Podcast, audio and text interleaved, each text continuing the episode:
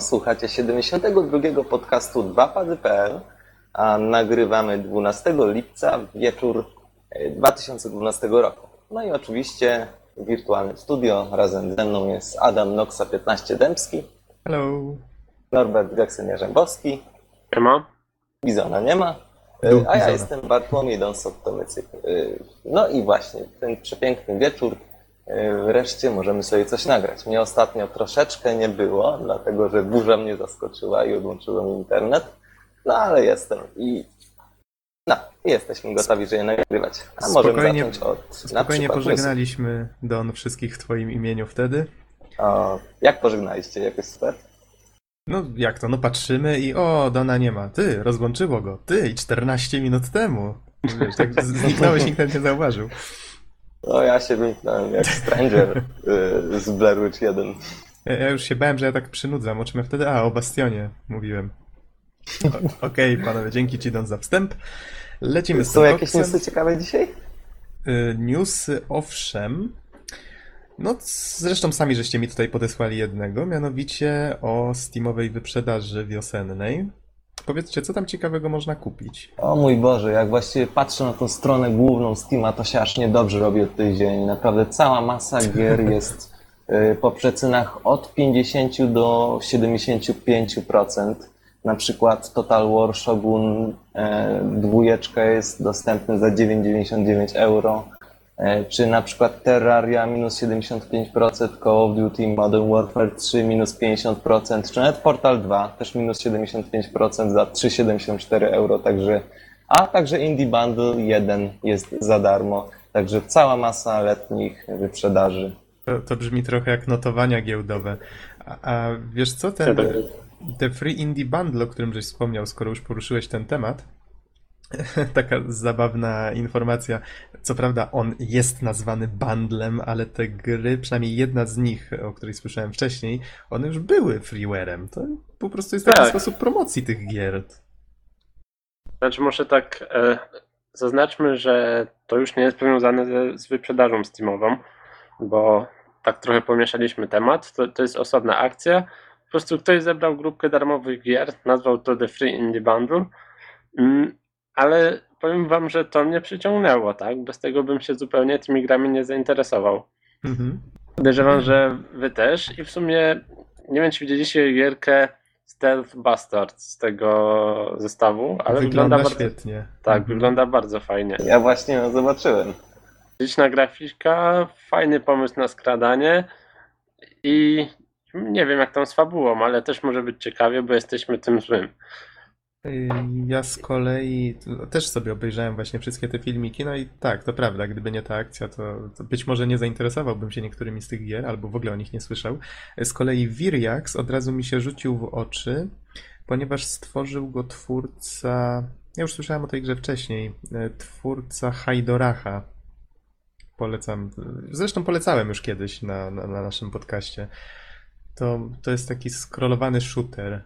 Mówiłem wtedy, że to jest taki strasznie dopracowany, fajny, ładnie wykonany estetycznie. Bardzo mi się podobał. Więc w każdym razie mm, polecam zajrzeć na stronę twórcy. Zresztą cały bundle, myślę, warto sobie zobaczyć filmiki do tych gier, bo one faktycznie tak się prezentują dość nietypowo. No i wszystkie są za darmo. Jeszcze nie wydaje się ciekawe tak naprawdę, przynajmniej dla mnie poza tym stealthem. Mhm. No ale, ale wiadomo, kwestia gustu, więc można obejrzeć, pomyśleć. E, Okej, to w takim razie mamy Może- tak. No Steam może Summer skoro Sale. jesteśmy dalej w tematyce Steama, skoro już jesteśmy w tej tematyce, to może warto Znaczy inaczej wspomnieć- wracamy do tematyki, do tematyki Steama.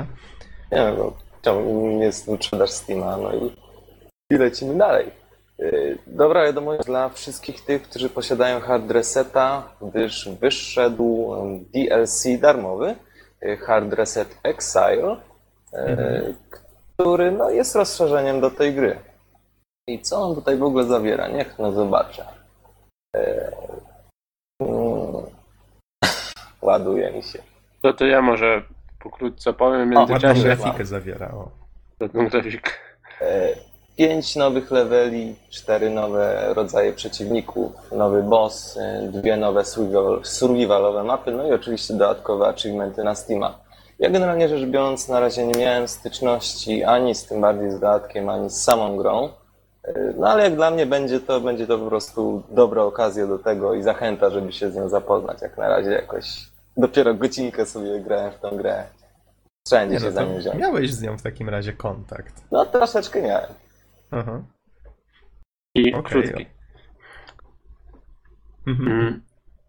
Znaczy, ja jeszcze tak to bym może skomentował, że w sumie fajnie, że kolejna polska gra dostaje darmowe DLC, a nie wyciąganie kasy za, nie wiem, za pewnie około godzinę, dwóch grania.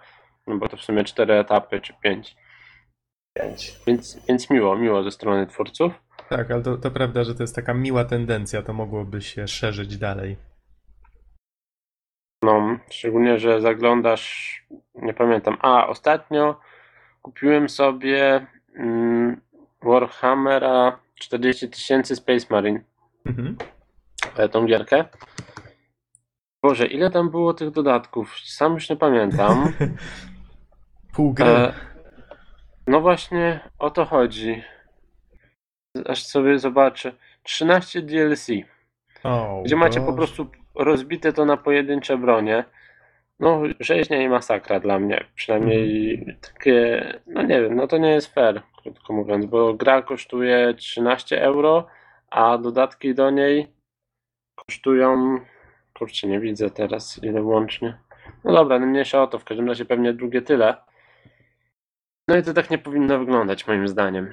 Właśnie E. mi się, jak tak mówisz, właśnie mi się przypomniała sytuacja z Railworks 3. Ja już wspomniałem, wspominałem o tym kiedyś. Tak, tak. Sama gra kosztuje gdzieś 20 kilka euro na Steamie. No i ma jakieś kilkanaście DLC, które kosztują właśnie tyle samo. Każdy z nich, więc to jest praktycznie tak jak nowa gra takiej DLC. Mhm. Ja przepraszam, jeżeli będę tutaj trochę hałasował, ale rozpadało się u mnie za oknem. Z kolei ja mam dla Was taką trochę informację. Nie wiem, czy orientujecie się, czym jest Steam Greenlight. O Boże, nie. Ja coś słyszałem, ale w sumie Zielony. nie wiem na czym to ma polegać. Co to za szatańska inicjatywa znowu? Zielone światło. No nie wiem, mnie się zielony nie kojarzy raczej z szatanem. Hu, hu, hu, hu. Ale czemu to ma służyć? Y, Nazwa, no z czym Wam się kojarzy? Z dawaniem zielonego światła projektom, prawda?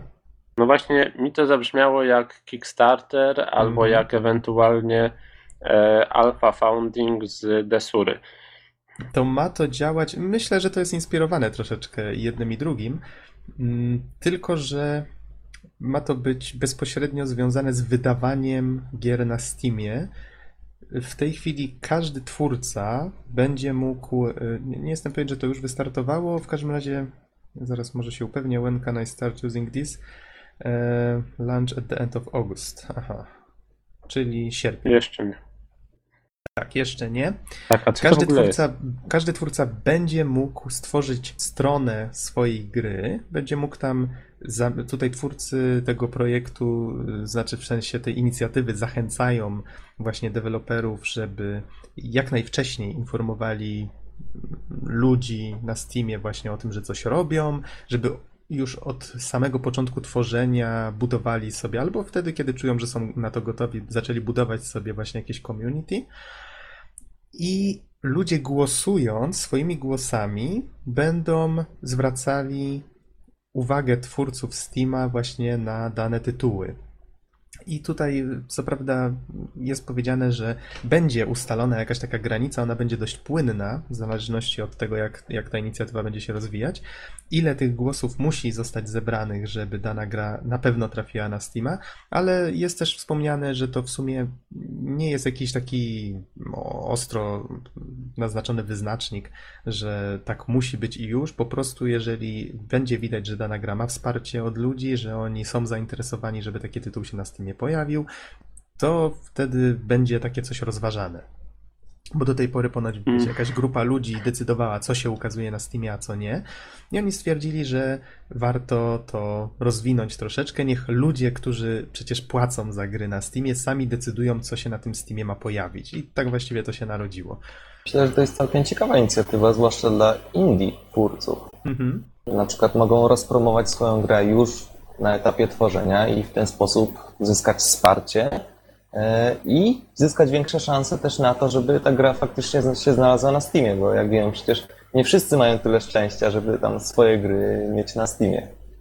Mhm, dokładnie, dokładnie. Czyli- To jest głównie skierowane, myślę, do twórców indie. Czyli nie chodzi o to, że oni będą jakoś fundować tą grę czy coś, tylko e, jeżeli jestem chętny wydać swoją grę na Steamie, to sobie zakładam tam jakieś forum na, na Steam Community i oni później na mnie głosują. Znaczy, nie mówię, że na Steam Community nie jestem pewien. No gdzieś w każdym razie. W każdym razie oni stworzą jakąś platformę na pewno, która będzie służyła do stworzenia strony każdego projektu. Tam będzie się wrzucało jakieś media, pewnie jakieś opisy, newsy. Ludzie będą mogli to śledzić. Będzie pasek postępu właśnie tych zebranych e, głosów i ile Ale- jeszcze mniej więcej ich potrzeba, żeby gra mogła zostać wydana na Steamie. To, czy zostanie wydana, to oczywiście mm, będzie określone tym, czy ona zostanie w ogóle skończona. Bo wiadomo, że na pewno wiele projektów tam trafi i nigdy nie zostanie ukończonych, skoro e, zachęcają do tego, żeby deweloperzy na wczesnym etapie już się chwalili projektami. Więc może być z tym różnie, oczywiście.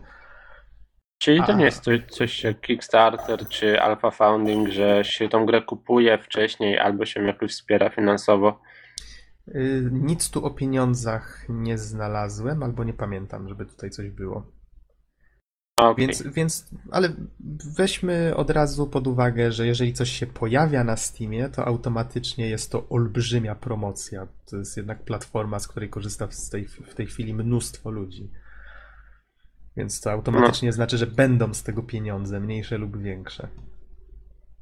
No, zgodzę się, zgodzę się. Myślę, Ale że skoro- twórcy indie, którzy w tej chwili już mają jakieś gotowe projekty, myślę, że ty, Don, też mógłbyś spokojnie spróbować, wiesz, stworzyć taką Ja stronę. mam takie plany, ja będę teraz próbować na Steama ze swoją nową grą, może nawet burzę wepchnę No, tak- tak mi się wydaje, że także powinieneś, wiesz, Będę jest- próbować, jak najbardziej. Mhm, wydaje mi się, że powinieneś. To jest właśnie idealny moment, żeby y, twórcy gier wszelakich, indie, niezależnych, powinni właśnie wykorzystywać takie inicjatywy jak ta, czy na Desurze, bo to faktycznie jest bardzo fajna sprawa. Można, e, faktycznie można dostać dużego kopa na rozpęd, no, że tak to ujmę. Znaczy, myślę, że Desura tutaj jest lepszym rozwiązaniem, bo Mhm. to jest taki tak naprawdę międzynarodowy Kickstarter, że to tak ujmę. E, pokazuje się fragment gameplayu z wersji alfa, no i po prostu później ludzie wspierają nas tak finansowo, sobie już kupując tą grę, gdy zostanie ukończona, no i dostęp do, do kolejnych edycji podczas tworzenia. Tylko ja mam, widzisz, nadzieję, że, że faktycznie z tego wszystkiego będzie można w Polsce korzystać. No bo weźmy na przykład takiego Kickstartera. Legalnie mogą zakładać tam y, projekty, które będą jakoś wspierane, tylko ludzie z USA. Więc jak mieszkasz w Polsce, nie możesz tam założyć projektu, który będzie y, dofinansowywany Ale to, z crowdfundingu. to trochę inaczej, bo tutaj po prostu kupujesz grę, która jest w wersji alfa Mhm. i masz dostęp do, do kolejnych buildów, więc Ale nie wiesz, czy możesz jako twórca z Polski rozpocząć takie coś? nie wiem, nie wiem. No właśnie, to, to E. myślę, że to jest warte zbadania. To może skoro jesteśmy przy crowdfundingu, tak, Mhm. e, to przejdźmy do tematu nowej konsoli, choć nie wiem, czy to nie jest za duże słowo do tego sprzętu. E, znaczy, jestem troszeczkę negatywnie nastawiony, od razu uprzedzę, tak, no bo to, to jest ważne, muszę najpierw suche fakty, więc e, na Kickstarterze pojawiła się inicjatywa, której celem jest stworzenie nowej, względnie otwartej dla deweloperów konsoli, e, która ma kosztować 99 dolarów za sztukę. No i teraz wydaje się w sumie pomysł fajny, ale wychodzi sporo, sporo takich mm, no rzeczy, które mogą zawieść, ponieważ sama konsola będzie charakteryzować się specyfikacją smartfona tak naprawdę. W środku znajdzie się Tegra 3, czyli typowo smartfonowa platforma. E, No i też jakiś taki komórkowy procesor, 1 GB RAMu i 8 GB pamięci stałej dysku twardego, nazwijmy to. Mhm. E, więc w sumie specyfikacja podobna do zupełnie. Jakbyśmy wpakowali telefon w pudełeczko. Mm, No i właśnie też inne schody z tym związane. E, Sama konsola będzie chodzić na systemie operacyjnym Android. No i jakby takie moje obawy to po pierwsze grafika. Konsola będzie na samym starcie już słabsza od obecnej generacji konsol, a wiemy, że obecna generacja nie jest najsilniejsza. E, No i czy na 40-calowym telewizorze, czy jaki tam kto posiada, chcemy oglądać gorszą grafikę, grafikę po prostu z poziomu mm, grafikę Wolfenstein na telefonową. 3D. No nie, no, no lepiej, lepiej troszeczkę, ale jednak to, to jest grafika, która sprawdza się na małych, e, przenośnych sprzętach. Niekoniecznie musi się sprawdzić niestety na, na dużym ekranie. Mhm. No i ponieważ to będzie Android, większość gier, tutaj też jest swoją drogą kontrowersja drobna, ale o tym za chwilę, większość gier będzie bezpośrednio portowanych. E, No i tak naprawdę będą to gierki, które sprawdzają się na kilkuminutowe sesje w poczekalni, a nie na dłuższe posiedzenia. E, Ja Znaczy, chciałem... są też, są też bardziej rozbudowane gry, ale jest ich dość mało, no, ale Mhm. słucham. No i ja tutaj może zwrócę uwagę na coś innego. Znaczy, nie czytałem na temat tej konsoli znowu aż tak dużo, żeby się wypowiadać jakoś szczegółowo, więc potraktujcie Mhm. to, co teraz powiem, tak troszeczkę mm, przez pryzmat właśnie tego. E, Wydaje mi się, że to, co jest najciekawsze w całym tym projekcie, to fakt, że twórcy właśnie chcą, żeby on był bardziej otwarty, czyli jak powiedziałeś, względnie otwarty. Wydaje mi się, że duży wydawcy raczej się tym nie zainteresują. Znaczy, we- weźmy w ogóle pod uwagę fakt, że jeżeli ktoś chciałby wrzucić teraz na rynek nową konsolę, to no już nie pamiętam, kto to powiedział, e, czy Michael Pachter z, Game Trailers, czy jeszcze ktoś inny, bodajże bilion dolarów potrzeba, wiecie, na stworzenie samej architektury, na promocję, marketing, na, na, na dystrybucję tego sprzętu, potem na tworzenie na to pierwszych pierwszych, e, pierwszego software'u, czyli pierwszych gier. Myślę, że w tym przypadku twórcy podeszli do tego całkiem sprytnie. Zresztą słyszałem, że to są ludzie, którzy już mają sporo doświadczenia. Jest tam kilka osób, które pracowało przy konsolach, jeden z nich chyba przy Xboxie 360. Jest tam ktoś z redakcji jakiegoś serwisu e, amerykańskiego o grach. No ogólnie rzecz biorąc są to ludzie, którzy znają się na branży. I oni podeszli do tego w ten sposób, że chcą stworzyć konsolę, która będzie dodatkowo w miarę prosta do hakowania. Brzmi to dość intrygująco. Czyli oni sami jakby chcą, żeby ludzie próbowali robić z tym sprzętem jakieś, wiecie, niestworzone rzeczy, żeby do tego zaczęły powstawać być może nawet jakieś urządzenia dodatkowe, o których oni nawet nie pomyśleli. Tylko, Mhm. tylko czy taka ma być konsola do grania, tak? No widzisz, problem jest taki, że ze względu na brak zabezpieczeń, a wierzę, No że właśnie. nie będzie tam żadnych zabezpieczeń, duzi wydawcy się tym nie zainteresują. Być może będzie można, y, ze względu na to, że to Android, grać tam w gry dostępne po prostu w, w sklepach z grami.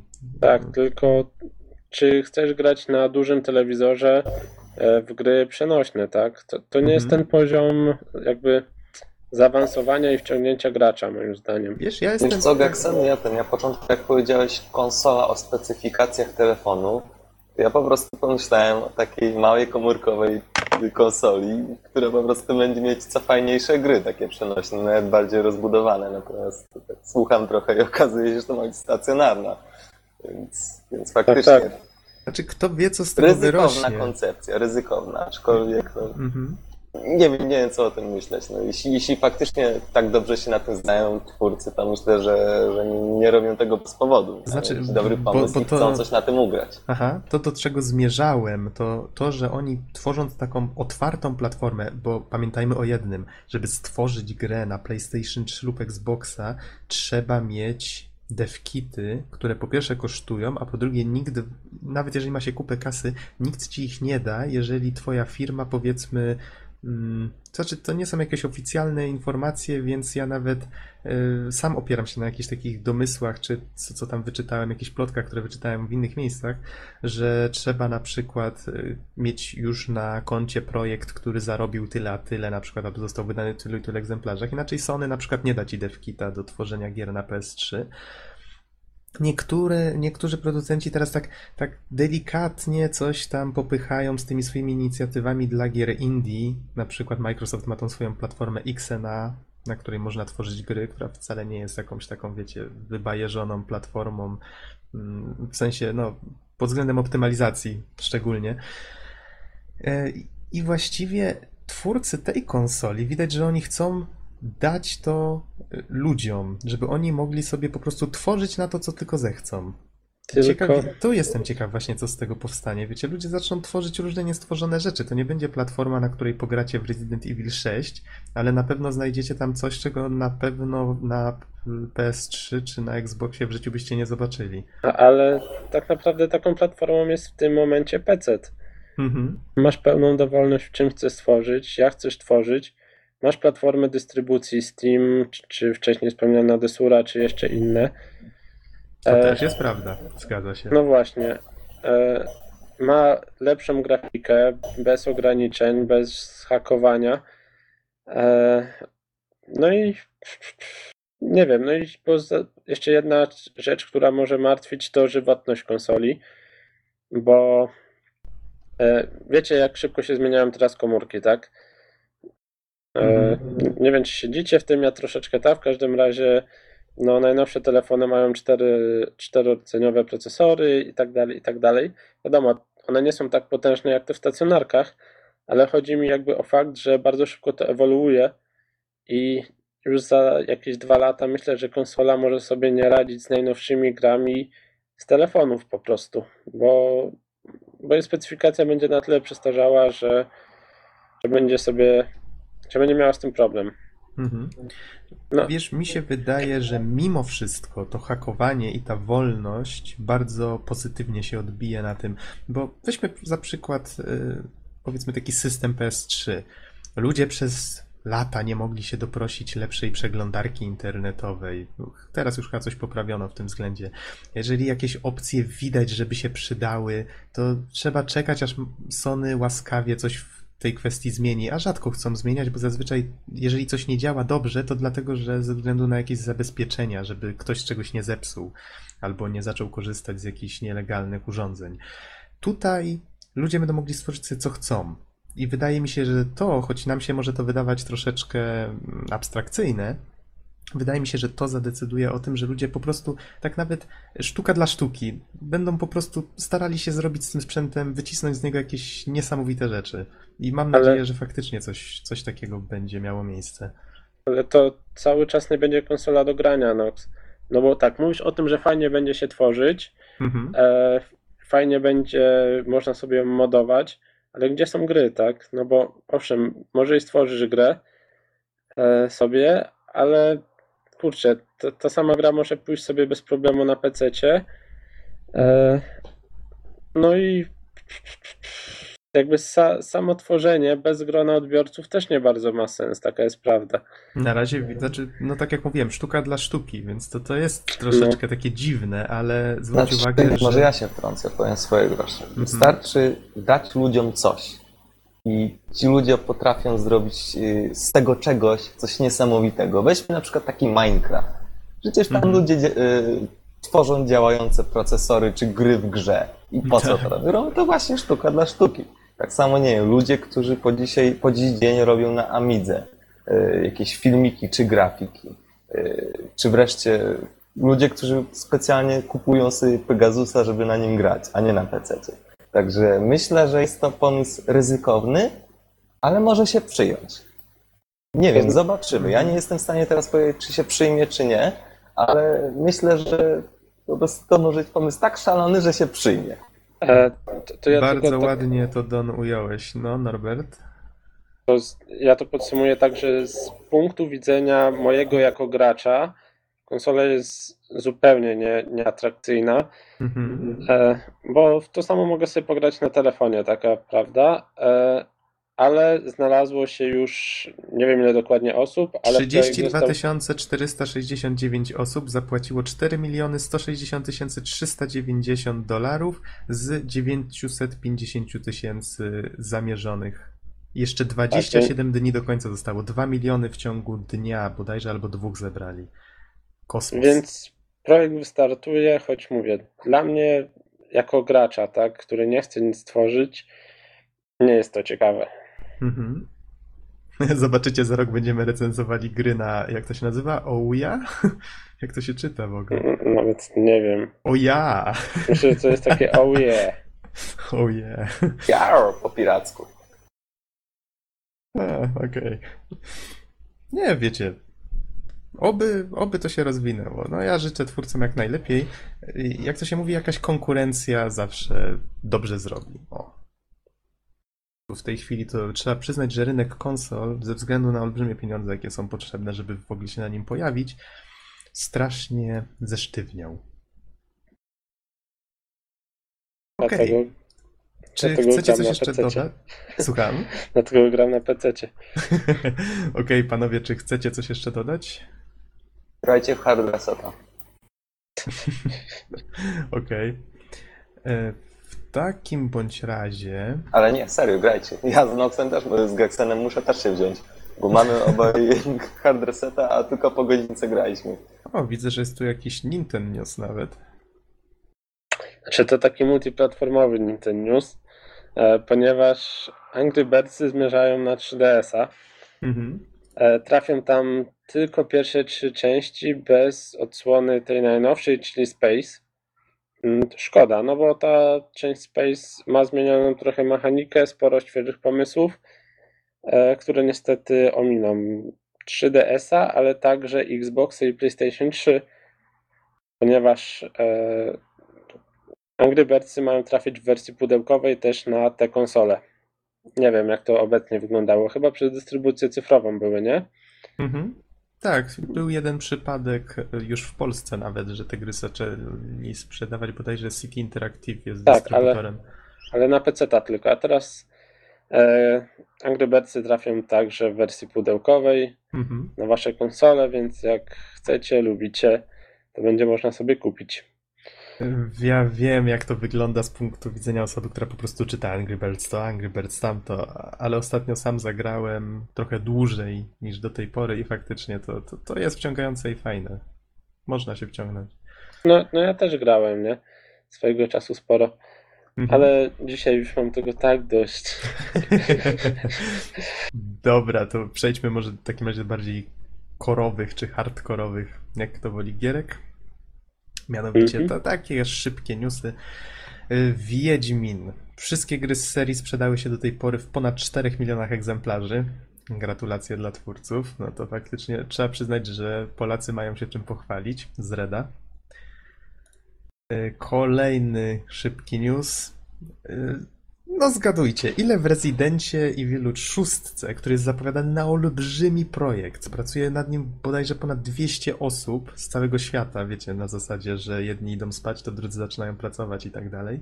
Capcom się chwali, Capcom się chwali, że to jest największy projekt w ogóle w historii całej firmy, a to już coś znaczy. Zgadujcie, ile minut filmików, cutscenek będzie w tej grze? Biorąc pod Dwie i uwagę, godziny. Dwie i pół godziny. Żaden z was nie trafił. 4 godziny i 15 minut. O kurczę. Ale ja byłem bliżej. Wiecie co, aż żałuję, że nie sprawdziłem przed podcastem, ile miał Metal Gear Solid 4. Jak ktoś z was może, to... Albo może ja zaraz poszukam. Ale z tego, Tak co nie opowiadałeś, ich filmików i strasznie dużo godzin dialogów było w Metal, Ale wiesz, Metal to była... To, to tak, ale to jest taka gra, która faktycznie... Ona bez tego nie istnieje. To jest mistrzostwo Kojimy. To... Wszyscy na to narzekają, nikt tego nie rozumie, a wszyscy to kochają, więc... Znaczy prawie wszyscy. W każdym razie dla porównania... mm, Piąta część cyklu Resident Evil miała 65 minut cutscenek. Więc mam nadzieję, że to nie będzie tak, że będzie 10 minut grania i powiedzmy godzina oglądania, tylko faktycznie ta gra jest aż taka długa. O, oby tak było. Mm, To może zaraz sprawdzę z tym Metal Gear Solid 4, bo skoro już przy nim jesteśmy, to taka bardzo ciekawa informacja. E, Was to pewnie zbytnio nie dotyczy, więc się nie zachwycicie, ale gra otrzyma w końcu trofea po czterech bodajże latach od premiery. Podobno na 25-lecie coś mi się Tak, obiło, 20 jeśli dobrze kojarzę. 25-lecie serii, zgadza się. Ludzie narzekali, że tych trofeów nie ma, bo jeszcze kiedyś PS3, e, jak Sony ściągało ten pomysł, tak przynajmniej pamiętam, że to było tak nazywane, że ściągają pomysł achievementów z Xboxa. Y, To jeszcze nie wszystkich deweloperów zobowiązywali do tego, że muszą przygotować te trofea, więc to tak jedni robili, drudzy nie. W tej chwili to już jest oczywiście konieczne. Planowana jest reedycja Metal Gear Solid 4 w Japonii i być może dlatego y, właśnie Konami musiało przygotować w końcu te trofea. A przy okazji każdy, kto ma w ogóle jakąkolwiek wersję gry, dostanie w formie patcha te trofea. No, Muszę przyznać, ja nie czułem potrzeby, żeby do tej gry wracać. To jest jednak takie, było dla mnie trochę jednorazowe przeżycie, dość wyjątkowe, ale może się skuszę faktycznie, żeby to chociaż tak zagrać na zasadzie, mm, no wiecie, że wow, kocham tą grę, muszę mieć jakieś trofeum na półce, nie? Coś, coś w tym stylu. Takie trochę fanowskie podejście. Okej, i inny taki szybki news. Yy, Coś dla fanów Deus Exa Human Revolution tym razem. A to chyba dla ciebie. No, między innymi. Y, Ponoć, ponoć y, planowana jest filmowa adaptacja serii, chociaż y, w, w ogłoszeniu, tutaj nie będę już teraz dokładnie przytaczał, kto co powiedział, y, będziecie mogli to przeczytać pod podcastem w newsie na cdaction.pl, ale pojawiła się tam kwestia tego, że to ma być y, ekranizacja w cudzysłowie drugiego odcinka serii. I tutaj się zastanawiają, czy to albo chodzi o Invisible War, o Boże, oby nie, albo, albo chodzi o niezapowiedziany jeszcze sequel Deus Exa Human Revolution. I tu już jak najbardziej byłoby, byłoby super, bo to przy okazji byłaby zapowiedź sequela oczywiście. Jeszcze taka półoficjalna. Ja bym się tak nie cieszył, bo w sensie e, ten film musiałby mieć ogromny, ogromny budżet, żeby się udał. Mhm. Nie sądzisz? Tak, zgadzam się zdecydowanie. To można, można bardzo łatwo zepsuć, to prawda. Tak, jest tam tyle rzeczy do popsucia i żeby to dobrze wyszło, no też jest potrzebna po prostu kasa. To ogromna kasa i Ech, nie wiem, czy gra na podstawie, przepraszam, film na podstawie gry e, tym razem, e, czy, czy to wypali? No z reguły nie wypala, to prawda, więc jest się o co martwić. Okej, wiecie co? Ja sprawdzę na szybko tego Metal Gear, Gear Solid. A w tym samym czasie, wiecie co? z- y, Wspomnę może tak pokrótce o tym, co ja tutaj wrzucę jeszcze pod podcast. Trzy filmiki znalazłem, które uznałem, że warto wrzucić. Taki dość zabawny przypadek potraktowania jednego kampera apteczką w Battlefieldzie trójce. Myślę, że warto tę akcję zobaczyć. E, Filmik, w którym e, przeprowadzony jest krótki wywiad z aktorką, która się wciela teraz w postać Larry Croft. Jest to Camil Camilla Luddington. Bardzo wygląda na bardzo sympatyczną osobę, tak swoją drogą. Y, Pokazują przy okazji olbrzymie studio do motion capture. Wow, wiecie co, ile taki sprzęt musi kosztować, co się w głowie nie mieści. Y, No i tak taki trochę inside info, wiadomo.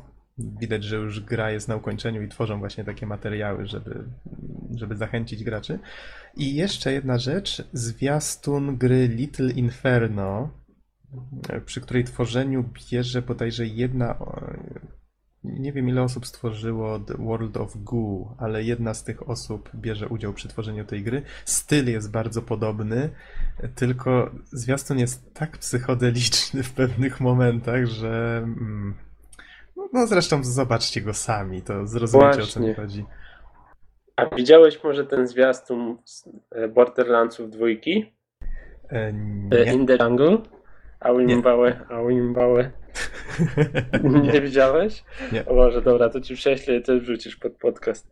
Okej, dobra. A z Metal Gear. hmm, hmm, hmm. Kurczę. Muszę znaleźć tą ilość, ilość cutscenek. E, Okej, w takim razie przejdźmy do tematów głównych. Dzisiaj powiemy o.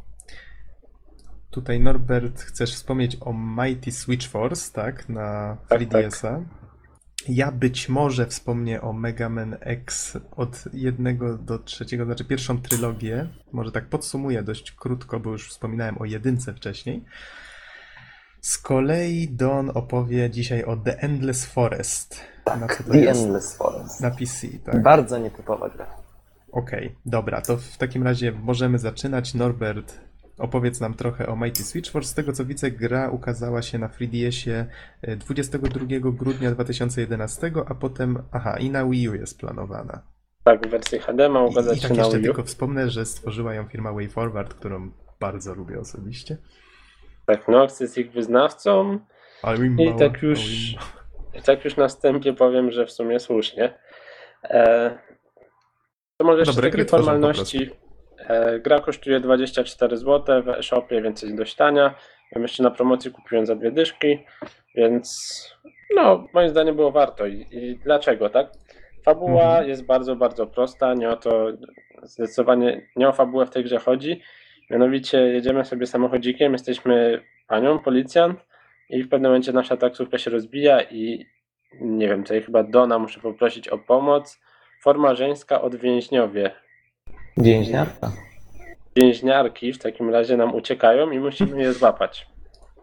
E, tylko, Chociaż że to też trochę jest y, ten y, sporna kwestia, bo więźniarka to bodajże też samochód, w którym się przechowuje, czy transportuje więźniów, ale to tak samo jak maszynista, maszynistka. Także to można dyskutować, ale to Dobra. kontynuuj. no. to, to na, na, inny, na inny wieczór zostawmy takie dylematy.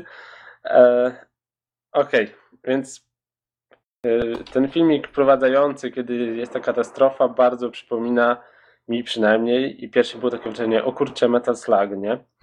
E, ale chwilkę później okazuje się, że gra ma niewiele z Metal Slugiem wspólnego. Możemy Mhm. strzelać tylko przed siebie. E, I cała mechanika polega na tym, że sobie podskakujemy i zmieniamy platformy pod naszymi nogami.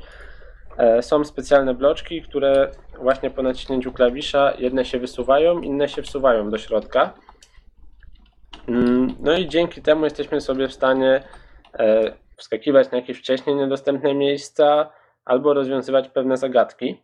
Dodatkowo są pewne elementy mechaniki, na przykład katapulty. E, Jeżeli staniemy na bloku, który jest wsunięty, później go wysuniemy, i ten blok jest katapultą, to nas po prostu wystrzeli w określonym kierunku. E, No i w ten sposób możemy też wysyłać naszych przeciwników, e, przykładowo bomby, aby zniszczyły elementy, których my sami nie jesteśmy w stanie zniszczyć. Mhm. E, Więc jest jakby mechanika dość fajnie wykorzystana. Są jeszcze takie bloczki, mm, na których jeżeli stoimy, to po naciśnięciu tego przełącznika one zostają w swoim miejscu. No i z tym też wiążą się pewne zagadki logiczne. E, No i w sumie tyle, jeżeli chodzi o gameplay, tak? E, Nie ma jakiejś, nie wiem, jakiegoś ogromnego zakresu przeciwników. E, Raptem parę typów, ale naprawdę bardzo prostych, bo nie o walkę, jak wcześniej wspominałem, tutaj chodzi. E, Głównie będą pracować nasze szare komórki i palce, zwinność, żeby przeskakiwać pomiędzy tymi platformami. E, No tak. Z takich jeszcze ważnych rzeczy gra ma 15 etapów, aczkolwiek mm, jakiś czas temu, bodajże w maju, więc jeżeli teraz będziecie grę ściągać, e, to te mm, znaczy w maju zostało dodanych kolejne 5 etapów i jeżeli teraz ściągacie tą grę, one są automatycznie załączone. Są to etapy bonusowe, już jakby poza główną linią fabularną, aczkolwiek do tej gry to określenie nie bardzo pasuje. E, no tak, i przejście całej gierki, tych 15 etapów podstawowych zajmuje raptem 3 godziny, więc króciutko. Aczkolwiek jest to bardzo fajnie zrobione. Pierwsze 5 do 10 etapów przemkniecie sobie pyk, szybciutko, tak, bez problemu, nawet niewiele się zastanawiając. A im dalej w las, tym więcej drzew, jak to mówią, i później poziom trudności rośnie, rośnie i to bardzo fajnie. Wiecie, 15 etapów, gdzie e, każdy można ukończyć raptem w dosłownie 5 minut, albo i krócej, niektóre nawet w minutę. E, A przecież zajmuje 3 godziny, ponieważ no, końcówka jest wyśrubowana i to bardzo fajnie wyśrubowana. Trzeba się niektórych fragmentów niestety nauczyć na pamięć. Ginie się często. Wątpię, żeby ktoś to przeszedł przy pierwszym podejściu, ale Mhm. nie wiem, mi to dawało dużą satysfakcję. E, no tak, no i w sumie tyle, tak? Gra jest z pomysłem, bardziej wyślili nasze szare komórki niż, e, niż nasze palce, tak jak mówiłem wcześniej. Aczkolwiek trochę zwinności też się przyda. Mm, Jest krótka, ale też jest tania. No i nie wiem, gdybym miał wystawić jej ocenę, to jednak siódemeczka, tak? Za, tą, za to, że jest jednak króciutka, ale ma fajne pomysły.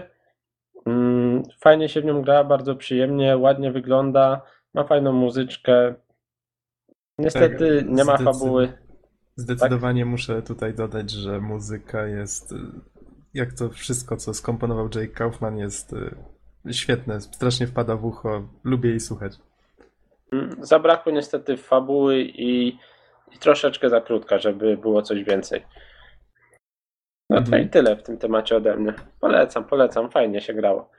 Kurczę, a ja nie mogę znaleźć tej informacji na, na temat tego, ile łącznie trwają cutscenki w MGS4, ale jestem pewien, że to jest dłużej niż 4,5 godziny. Myślę, że tego rekordu raczej Resident nie pobije. E, mogę wam, za, mogę was za to zapewnić, że ostatnia, najdłuższa cutscenka w grze w MGS4 to trwa godzinę 8 minut 53 sekundy i jest to epilog. Średnio trwają 9 minut cutscenki w grze. Jest to raczej rekord w serii. Nieźle, nieźle. No, ale to jest jednak strasznie specyficzna seria od strasznie specyficznego twórcy i no, zdecydowanie nie dla wszystkich. Okej. Mighty Switch Force. Um, czy jakieś pytania są, Don? Hmm. No nie. No właśnie, e, mówiono, mówiono, że poprawiali w tym patchu najnowszym efekt 3D. Nie orientujesz się, co tam zmienili? Faktycznie było z nim coś nie tak? Nie wiem, nie wiem. Nie grałem przed patchem niestety, więc... A jak się teraz prezentuje? No jest okej. Mhm. To może, może coś było po prostu nie tak z nim. Nie wiem, nie wiem. Okej, Ja jak stoimy. No, no. To jest platformówka 2D, więc nie zdarzają się ciężko jakieś nieprzyjemne sytuacje, Mhm. bo jeżeli jakaś taka sytuacja występuje, to zazwyczaj jest wtedy, kiedy coś za bardzo wchodzi w ekran albo coś e, za bardzo próbuje z niego wyskoczyć. Wtedy faktycznie mamy do czynienia z dość nieprzyjemnym efektem, a w platformówce 2D ciężko coś takiego. Mhm. Okej, to mamy dość sporo czasu. Jest 42 minuty, nagrywamy. Ja tu otworzę swoje magiczne notatki, to Dom pozwolisz, że krótko wspomnę o, o tym Mega Mega X. Tak, bo O, ale może tak. on naprawdę jest taki mega? E, Wiesz, ujmę to w miarę krótko, bo już o Mega Man X jedynce wspominałem. E, Nadrabiam w tej chwili podserię Mega Man X. Jest to seria, która zaczęła się ukazywać. Może zaraz sypnę datą, tak troszeczkę słabo jestem dzisiaj przygotowany, niestety. Jump and shoot and man. E, Jump and Shooting, nie, tak, tak, dokładnie. Zamieściłem filmik e, Igora Ptora pod poprzednim podcastem. Polecam go obejrzeć. Jest, jeżeli ktoś potrafi znieść ileś tam słów fuck na minutę, to naprawdę potrafi rozśmieszyć. Myślę, że myślę, że jeśli ktoś oglądał Angry Video Game Nerda, to jest coś podobnego. Tyle, że w troszeczkę innym kierunku idzie autor. Jedno z najbardziej merytorycznych rzeczy, jakie kiedykolwiek stworzył, tak swoją drogą. E, 93. To była jedynka Mega Man X. E, Seria zaczęła powstawać w momencie, kiedy już faktycznie widocznie Capcom zauważył, że e, sprzedaż tego poprzedniego Megamana zaczęła spadać. Nie wiem, być może chcieli odświeżyć markę, zrobić ją trochę poważniejszą. Tak właśnie powstał Mega Man X. E, W tej podserii powstało 8 gier, Pierwsza trylogia powstała na SNESa, kolejna na PlayStation 1, y, z kolei kolejne na PS2. Mam nadzieję, że znowu się nie rypnąłem, tak jak zrobiłem to poprzednio przy okazji mówienia bodajże o zwykłym Mega Manie 8, który wyszedł po Mega Man X. No to jest długa, kurczę, zaplątana historia. Może nie będę się w nią tutaj zbytnio e, wdrażał. W każdym razie powiedziałem, że wyszedł na inną platformę, się okazało, że wyszedł na jeszcze inną. Co się liczy? Mega Man X faktycznie wychodził tak partiami. Tak, w sumie trochę jak Castlevania, że trzy części na jedną platformę, potem na kolejną. I pierwsze trzy wyszły na SNESa. W tej chwili przeszedłem już wszystkie. I co mogę o nich powiedzieć? Faktycznie dwójka i trójka to są takie doskonałe sequele, czyli dwój, jedynka była fajna pod wieloma względami. Dwójka rozwija te pomysły, właściwie nie różni się e, i trójka tak samo zbytnio od oryginału. Czyli mamy jakiś, jakiś prolog, który nas przygotowuje fabularnie, bo to właściwie fabuła jakoś strasznie dużego e, nacisku na fabułę tutaj nie ma. E, Dużo większy jest na gameplay. Potem zostaje nam oddana do dyspozycji plansza, na której znajduje się 8 plansz. Każda z tych plansz jest zakończona bossem. Możemy w dowolnej kolejności te plansze przechodzić. Jeżeli pokonamy bossa, dostajemy jego umiejętność. Zazwyczaj to jest jakiś specjalny rodzaj pocisków, które możemy wystrzeliwać. Te pociski, powiedzmy, jedne z nich potrafią jakieś konkretne ściany niszczyć, jeszcze inne e, pot- potrafią czynić jeszcze jakieś inne cuda. Zazwyczaj wykorzystywanie tych umiejętności umożliwia nam dostawanie się do różnych miejsc, dlatego warto wracać do etapów, w których się już było i na przykład e, znaleźć ulepszenie zdrowia, e, jakieś e, takie kontenery na zdrowie, które uzupełniamy, jeżeli mamy na przykład pełen pasek zdrowia i podniesiemy e, taką kapsułkę odnawiającą zdrowie, to wtedy ona leci do takiego kontenera. Możemy takich kontenerów mieć cztery.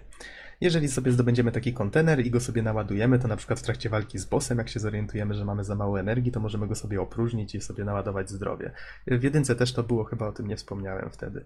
I właśnie tego typu znajdźki tutaj znajdujemy. Warto tego szukać, bo gra kończy się, znaczy kończy właściwie pokonanie tych ośmiu etapów, to jest dopiero połowa sukcesu, bo tak jak tutaj już tak tradycyjnie w serii, jeżeli wykończymy tych ośmiu bossów, pojawia się takie finalne wyzwanie w postaci jakiejś fortecy czy czegoś w tym rodzaju, gdzie musimy przejść pod rząd kilka etapów. W tym przypadku w wersji na SNES-a we wszystkich trzech częściach mamy passwordy. Działa to na tej zasadzie, że jeżeli zdobędziemy cokolwiek, password to pamięta. Problem jest taki, że jeżeli jesteśmy już w tej ostatniej części, to możemy między tymi ostatnimi planszami wracać do poprzednich, żeby zdobyć te znajdźki, których nie zdobyliśmy, ale jeżeli zresetujemy konsolę, to i tak będziemy musieli zaczynać tą ostatnią fortecę od początku, więc to jest takie. Nie jestem pewien, czy tak samo jest w dwójce i trójce, bo przeszedłem je raczej tak z biegu. Ale faktycznie jest to takie ciekawe wyzwanie i pod względem platformówkowym, bo możemy tutaj zdobywać umiejętności, które nam ułatwiają, na przykład e, jest taka umiejętność, która nam mm, umożliwia e, wykonanie dodatkowego dasha w powietrzu, bo właściwie poruszamy się tutaj, po, poza zwykłym poruszaniem się po planszy, mamy tutaj takie dwie bardzo fajne umiejętności. Jedną z nich jest dash. Wcześniej nazwałem to w poprzednim podcaście, znaczy dwa tygodnie temu nazwałem to e, wślizgiem, co oczywiście jest błędem. Tutaj chodzi o to, że y, szybciej poruszamy się w konkretnym kierunku i umożliwia nam na przykład wybicie się to i skoczenie dalej. Y, I ześlizgiwanie się i odbijanie od ścian. Takie dwie niby proste rzeczy, które bardzo fajnie sprawiają, że możemy się w łatwy sposób poruszać po otoczeniu, y, unikać ciosów, przeskakiwać nad bossami. To, to jest akurat tutaj bardzo, bardzo fajne. I zdobywamy też wśród tych znajdziek ulepszenia, które sprawiają, że możemy na przykład zrobić dodatkowego dasza w powietrzu, że możemy, mm, że do, dostajemy mniej obrażeń. Y, W dwójce i trójce pojawia się też coś w rodzaju takiego systemu, który ułatwia nam znajdowanie znajdziek, ale najpierw musimy go znaleźć oczywiście, czyli y, w dwójce zrobiono to w ten sposób, że jeżeli uruchomimy tą umiejętność, to wtedy jeżeli w pobliżu na ekranie znajduje się jakieś, jakieś ukryte przejście, to ono zostanie zaznaczone. W trójce z kolei zrobili to jeszcze prościej, i działa to w ten sposób, że na początku etapu pojawia się mapa całej planszy i są zaznaczone miejsca, w których powinniśmy jeszcze coś znaleźć. Czy- Czyli w sumie to takie ułatwienia, ale tak jak wspomniałem, najpierw trzeba na nie trafić, więc jest to dość uczciwe. No i tak jak mówiłem w przypadku jedynki, każda z tych części jest uczciwym wyzwaniem. W tym, pod tym względem nic się nie zmieniło. Gry są fajne, y, mają raczej taki rosnący poziom trudności, są bardzo satysfakcjonujące. Y, Jeżeli chodzi o samą historię, y, wprowadzono tutaj taki ciekawy motyw, y, którego nie było w jedynce. W dwójce i w trójce są, może inaczej, w dwójce są bossowie opcjonalni. W każdej planszy jest taka ukryta arena i w pewnym momencie pojawiają się, pojawia się trzech bossów opcjonalnych na, na tych arenach. Jeżeli ich pokonamy, to wtedy zakończenie gry troszeczkę się różni. W sumie może nie będę tutaj obwijał bawełnę fabularnie, bo jak wspomniałem tutaj nie ma to jakiegoś większego znaczenia. W jedynce ta postać Zero, o której wspomniałem, czyli tego robota, który towarzyszył Megamenowi, tak jak tutaj właściwie zapomniałem wspomnieć o tym, że tutaj kierujemy właśnie tym tytułowym robotem. E, Ten Zero e, końcówce jedynki został zniszczony i w dwójce mamy możliwość odbudowania go. Tutaj niejako wpływa to troszeczkę na zakończenie. W A i trójce- to był spoiler. to był spoiler, ale wiesz, nie będę znowu tutaj tak mówił, że to o mój Boże, to jest spoiler, który komuś zepsuje jakoś szczególnie zabawę. No mi zepsułeś już, wiesz. O, come on. A może właśnie grałem w jedynkę. No, dobra. A dobra. można go uratować jakoś? Można. O mój Bo Boże, on jest słuchaj. przecież taki miły. Takim, słuchaj, jak ktoś w ogóle słyszał o tej serii, to ludzie, nie wiem, fani szaleją na punkcie Zero, więc to, to jest tak, że jak widzisz, że on e, poświęca się w jedynce, to mówisz, aha, okej, do zobaczenia w następnej części, nie? No, to coś w tym rodzaju. Ym, może troszeczkę o fabule, tak jak, y, tak jak wspominałem, w jedynce głównym przeciwnikiem... Kurczę, może ogólny obraz. Mieliśmy w głównej serii początkowej tego Megamena, mieliśmy jakby tych, te dwie najważniejsze postacie, czyli mieliśmy doktora Lighta, mieliśmy doktora Wiley'ego, oni ze sobą rywalizowali, jeden próbował ratować świat, drugi próbował go podbić, ten pierwszy stworzył Megamena i tak dalej, i tak dalej. Doktor Light stworzył Megaman Exa jako maszynę, która będzie mogła podejmować własne decyzje. Zamknął go w kapsule, w której miał siedzieć tam ileś tam dziesiąt lat, żeby zweryfikować to, czy tam wszystkich nie pozabija. Okej. Y, Z tej kapsuły wyciągnął go doktor Kain, bodajże, jeżeli się nie mylę. I okazało się, że y, świat, jeżeli się nie mylę, bo ja nie jestem aż tak dobrze zorientowany w tym uniwersum, a ono jest dość rozbudowane, y, dr Kain potem próbował tą technologię Megamena jakoś skopiować. W ten sposób powstała cała, y, cała nacja tak zwanych y, replikantów, czy re- reploids, to zostało nazwane po angielsku. I oni jakoś tam sobie istnieli, współistnieli z ludźmi i właśnie ci replikanci, którzy zaczęli się wybijać na, na zasadzie, może nie tyle zaczęli się wybijać, co y, zaczęli niszczyć inne replikanty i chcieli też zniszczyć ludzi, zaczęły być nazywane Maverickami i żeby je powstrzymywać, powstała taka komórka antymaverików, po- Mavericks Hunters, do których właśnie Megaman należy. No, to to można tak podsumować właściwie y, najważniejszy punkt całej fabuły we wszystkich trzech częściach.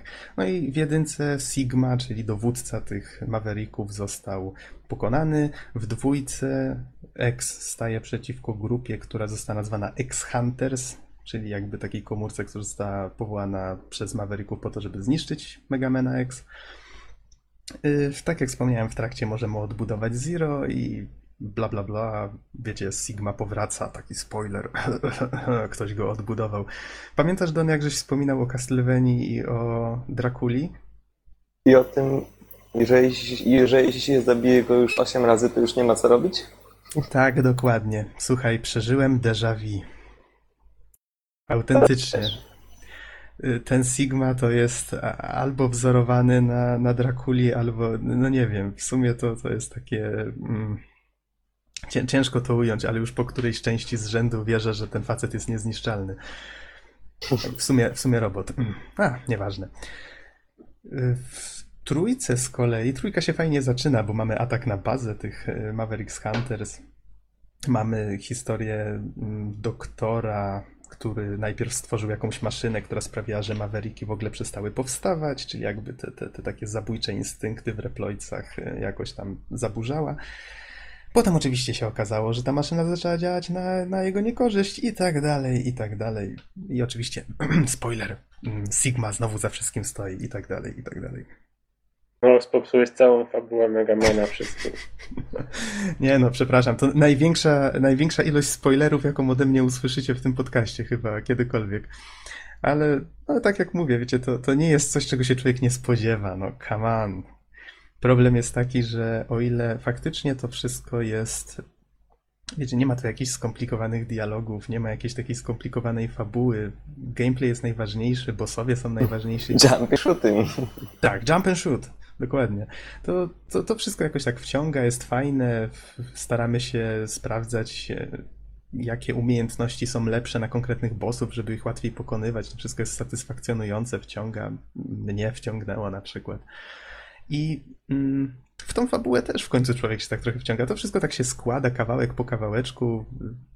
Pod koniec każdej części znowu mamy tak jakiś, w- wiecie, drobną zapowiedź tego, co może nas spotkać w kolejnych częściach i, i w sumie e, podobało mi się to, jak pod koniec trójki zamknięto już teoretycznie sprawę Sigmy. Bardzo fajny jest finał trójki. Tu już oczywiście nic nie powiem, bo warto sobie po prostu samemu zagrać.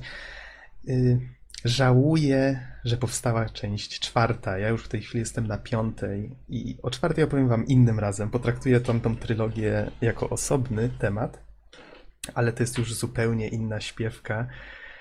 I, I faktycznie jest to doskonały przykład tego, jak przejście na zupełnie inną platformę potrafi zepsuć naprawdę fajną serię. Wracając jeszcze do trylogii na SNESa, y, rzecz, o której też nie wspomniałem poprzednio, czyli na przykład level design, to jak są zbudowane etapy. Mamy tutaj dość e, różnorodne podejście, co to jest właśnie. e, Żałuję, że wcześniej już o tym nie mówiłem, bo mamy tutaj. e, Zresztą tak troszeczkę też jest to tradycja serii, że mamy tutaj jakieś lasy, mamy jakieś fabryki, jakieś bazy, jakieś wodospady w dżungli, mamy jakieś mm, takie mm, miejsca przypominające Antarktydę, jakieś wysokie góry, więc jest tego naprawdę bardzo dużo.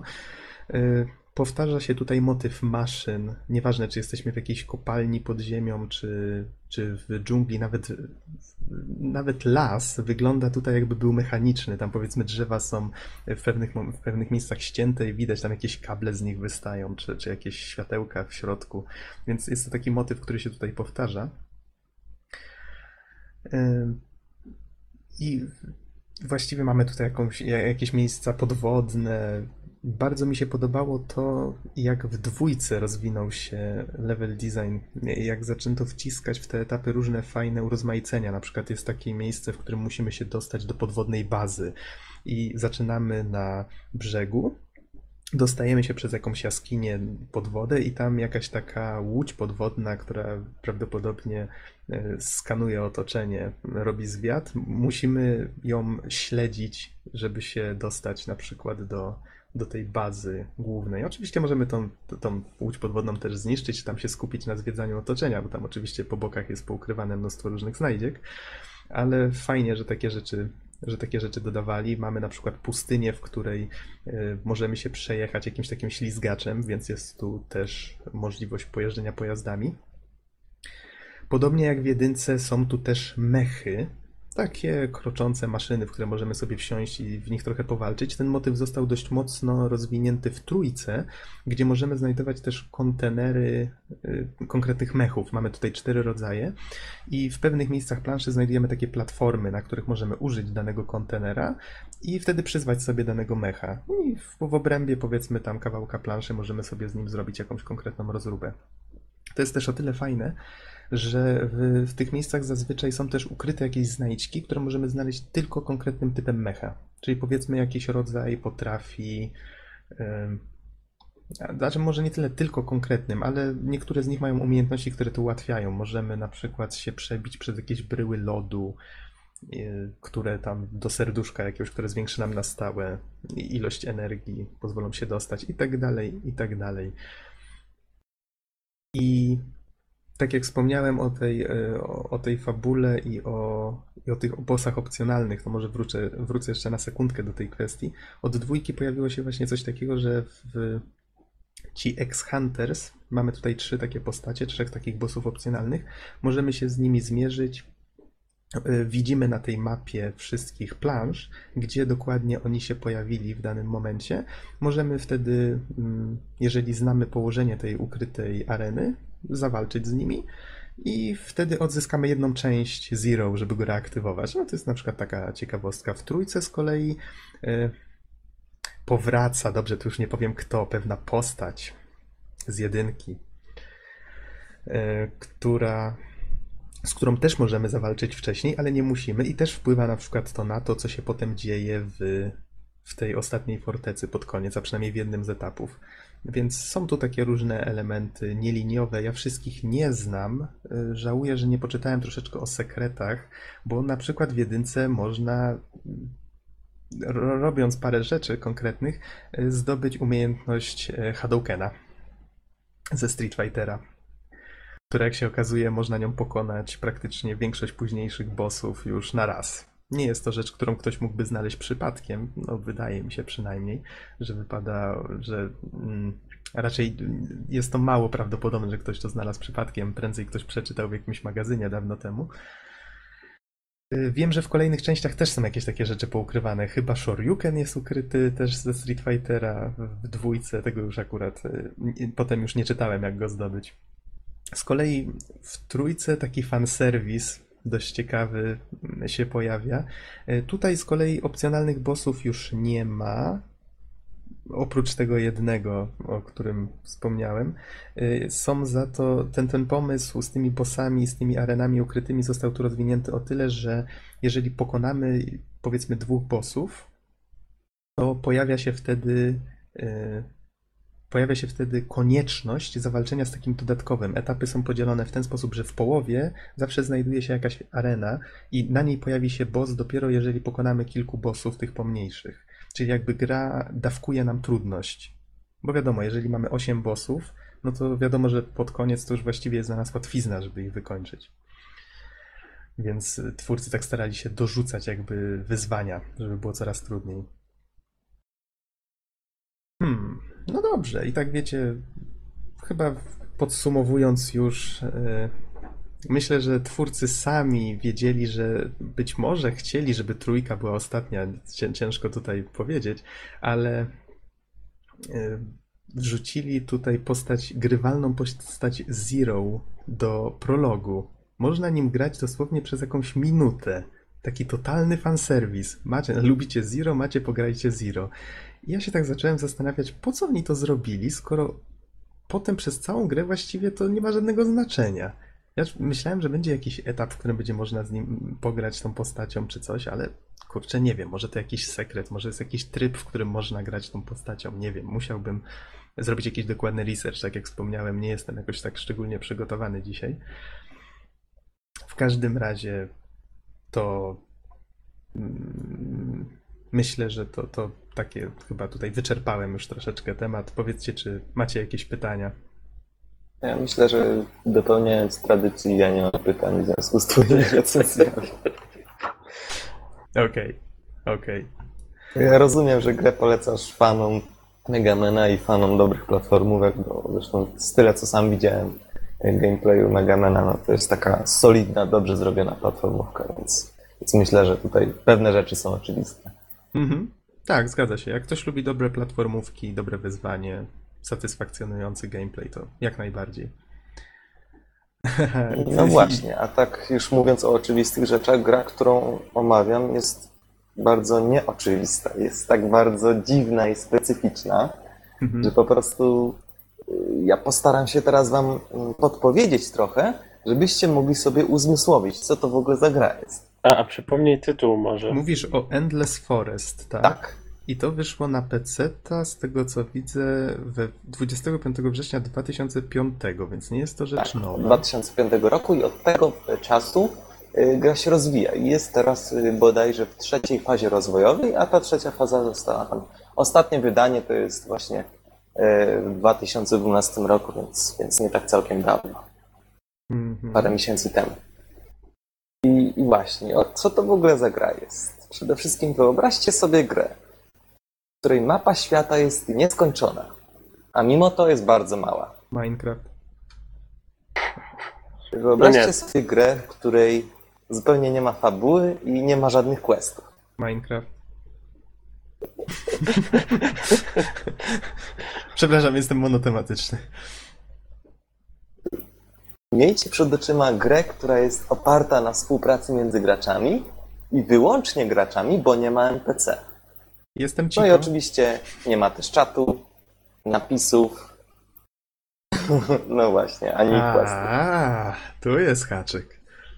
I w zasadzie to w całej tej grze nie ma żadnego celu. Więc rozpocznijmy naszą podróż w The Endless Forest. Za, Jak zaintrygowałeś mnie. No, początek obie- obiecujący, prawda? Y, Czyli tak, w zasadzie od takich najbardziej technicznych rzeczy. Rozgrywka wygląda. Hmm, to po prostu chodzenie po lesie, po, nie, po niekończącym się lesie. I wygląda w zasadzie tak jak Diablo 2. Mamy Mhm. postać, która jest w centrum ekranu i po prostu albo myszą, albo w USAD kierujemy. Kim jest ta nasza postać? Jest jelonkiem. Dlatego jest jelonkiem ludzką twarzą. O mój Boże. No. Więc jeśli to, nie, jeśli to nie jest opis najlepszej gry na świecie, to ja nie wiem.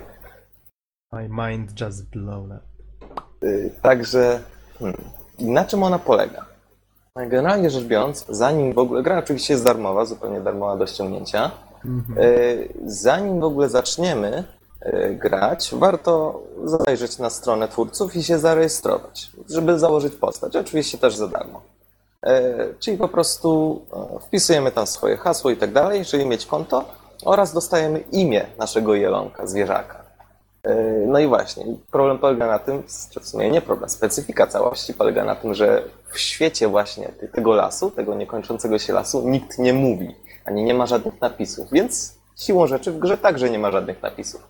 Yy, Imię zwierzaka stanowi piktogram, który jest generowany losowo.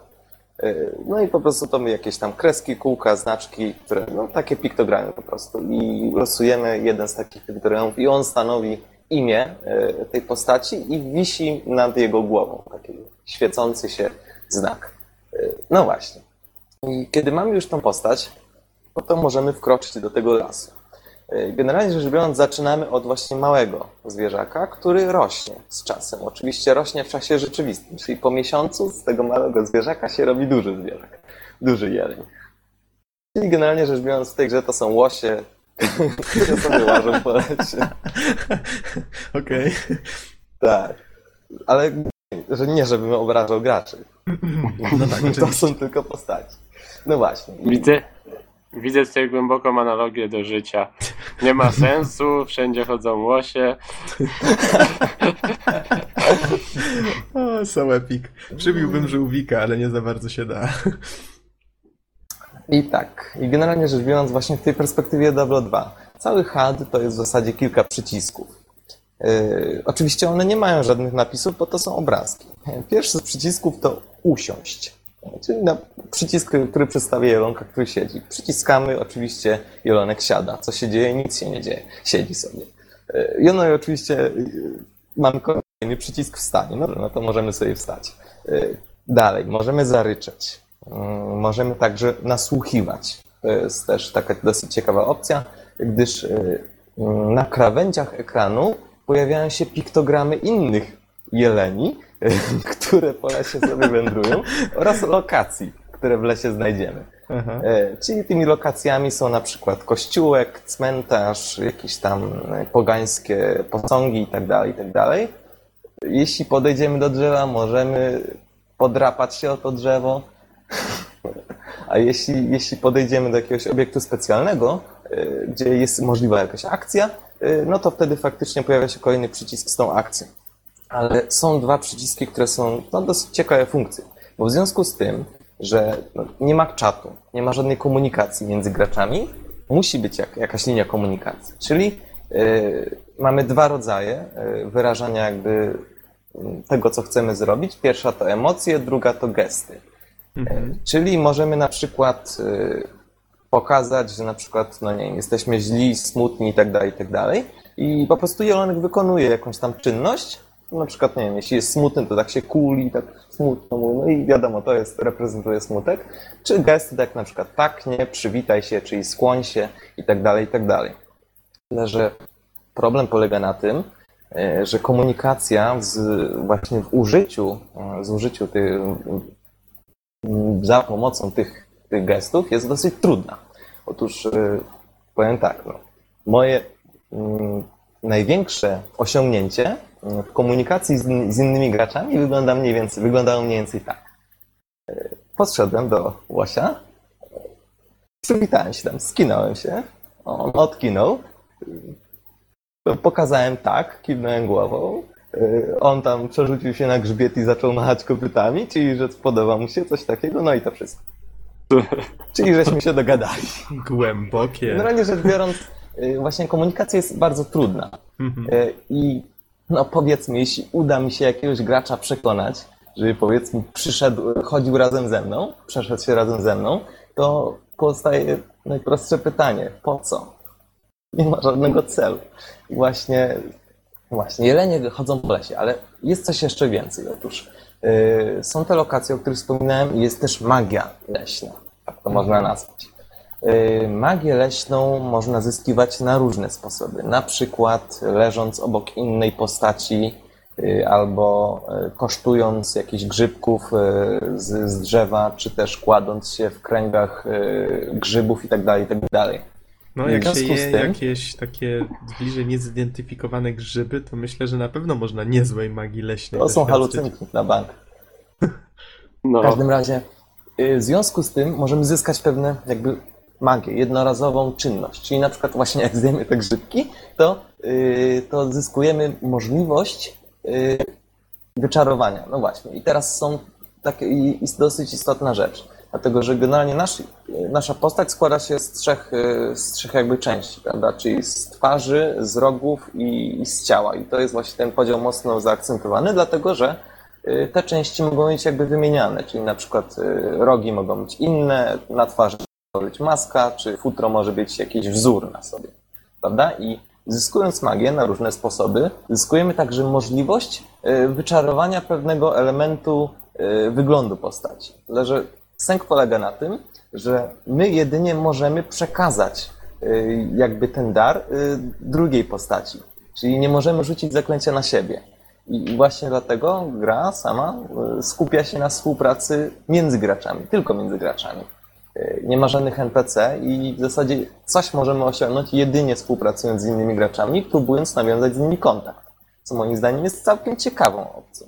Tyle, że widząc jak to wygląda w praktyce, to moim zdaniem albo to artystyczne przeżycie zostało trochę niedopracowane, albo to po prostu gracze do niego nie dorośli. Na Mhm. zasadzie rozejrzałem się troszeczkę w internecie, na forach i okazuje się, że ta gra ma więcej fanek niż fanów. Y, Także, także tak to wygląda. Y, Natomiast, no właśnie. I to jest mniej więcej tyle. Jesteśmy właśnie taką postacią, takim zwierzaczkiem, który może chodzić po lesie i obdarowywać inne postaci jakby takim, no nie wiem, wyglądem. Y, No i tyle. No, twórcy, twórcy, jak to sami określają, próbują bawić się w Boga, czyli tam robią, organizują różne eventy, czyli na przykład ten las zmienia się, e, mogą na przykład okresowo występować pewne zmiany, na przykład na Halloween jest pełen świeczek i tak dalej, i tak dalej. Mówisz, próbują bawić się w Boga, a kto nie próbuje? Ja najchętniej się zabawił. Y, W każdym razie właśnie ta gra została zaplanowana jako, y, jako takie swego rodzaju artystyczne przeżycie. Tylko, no, na pewno symulator życia jelenia to nie jest. Ale jeśli biorąc pod... Powiem tak, Wybacz. no, ja wiem jak to brzmi. No, no, tak, no właśnie biegamy po lesie. No. To jest cała gra. Symulator Jeśli życia biorąc jelenia. pod uwagę, że, że nie wiem, że to jest po prostu symulator życia łosia, który, nie który może, który może czarować i może się dogadywać z innymi postaciami w ten sposób.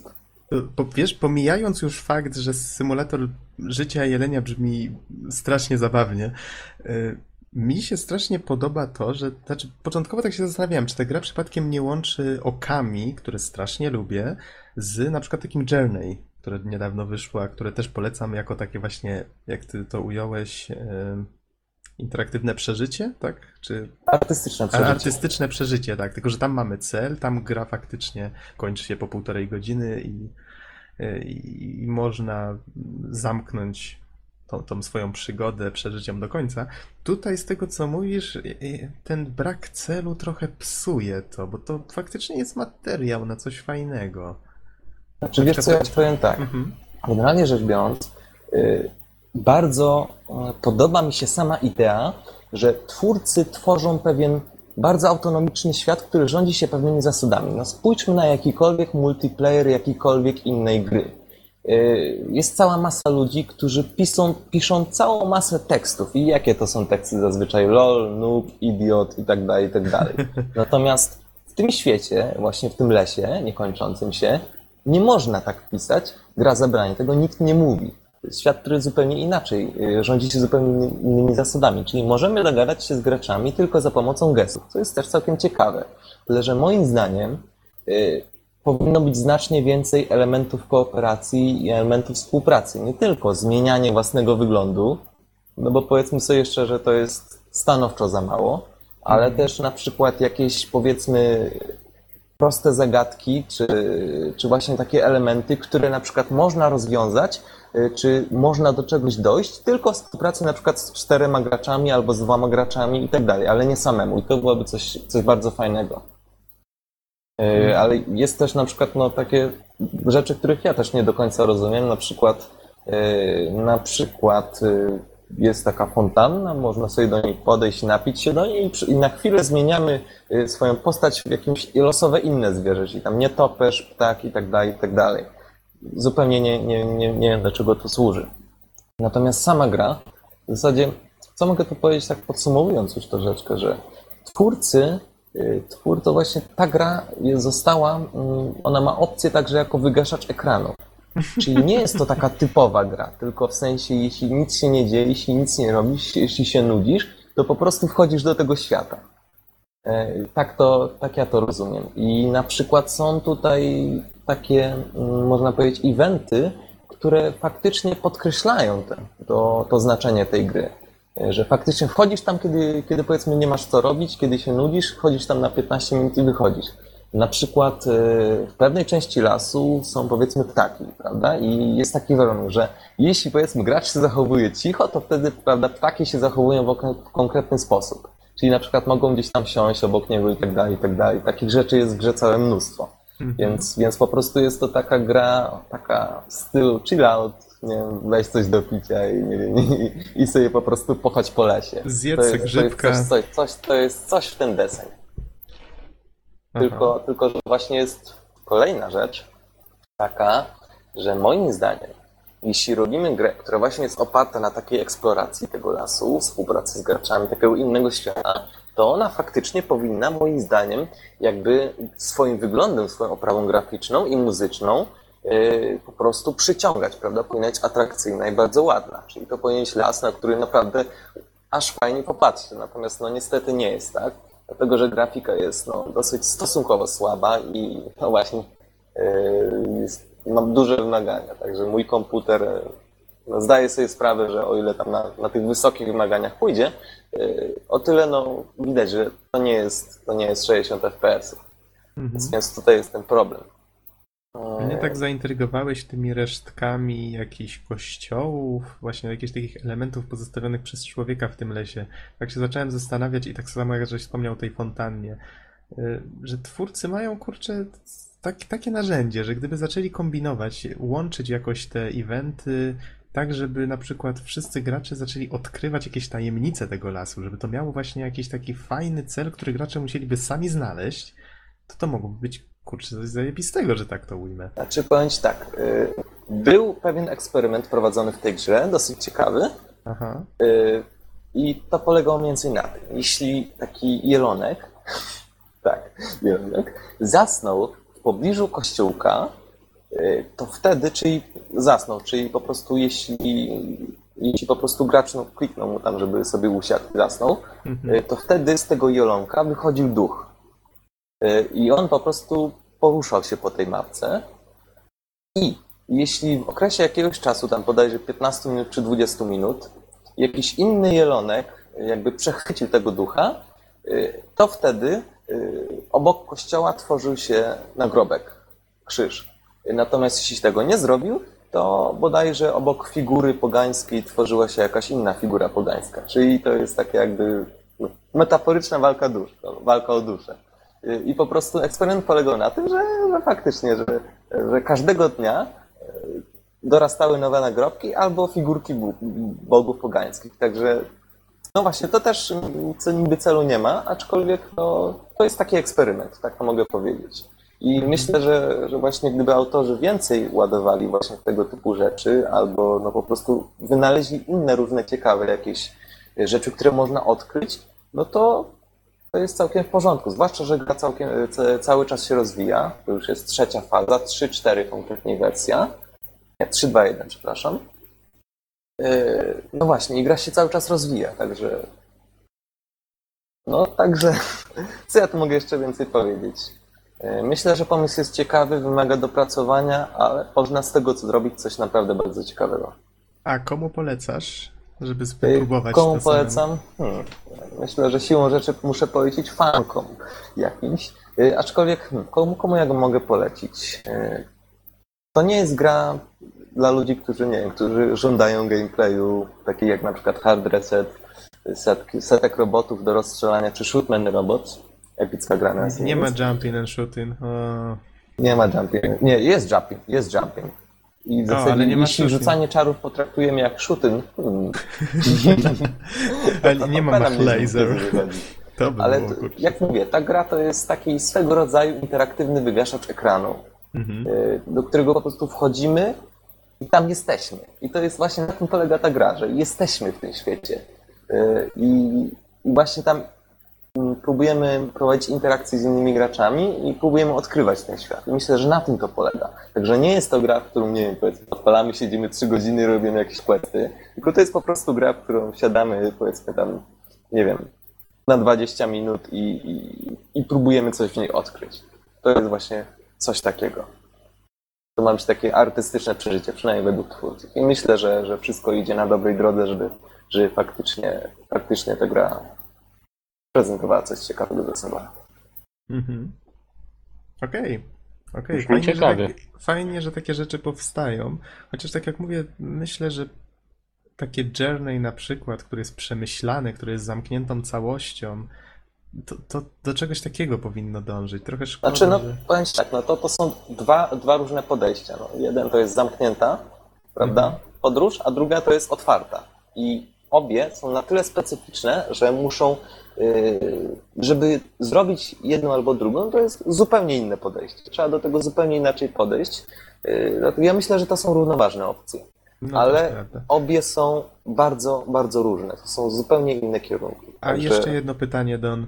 Y, Ten niekończący się las, czy to jest jakoś tak zrobione, że to jest y, tak jak w Minecrafcie, że on się losowo tworzy jakoś na krańcach? Czy to jest jakaś taka mapa istniejąca na serwerze, po której gracze chodzą i nie wiedzą, gdzie właściwie jest koniec? Y, To jest, to jest bardzo proste.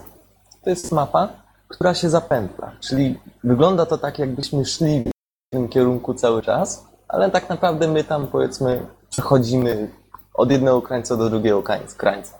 Więc, widzisz, więc na dobrą sprawę jest, to wygląda tak, że całość możemy odejść w 15 minut. Aha. Y, Natomiast no właśnie, jeśli idziemy w jednym kierunku, to możemy w nieskończoność. Czyli mapa jest z jednej strony nieskończona, z drugiej strony bardzo mała. Czyli gra o zwierzątkach uwięzionych w lesie z Zeldy. Okej. Jak Autentycznie. jak Zeldy.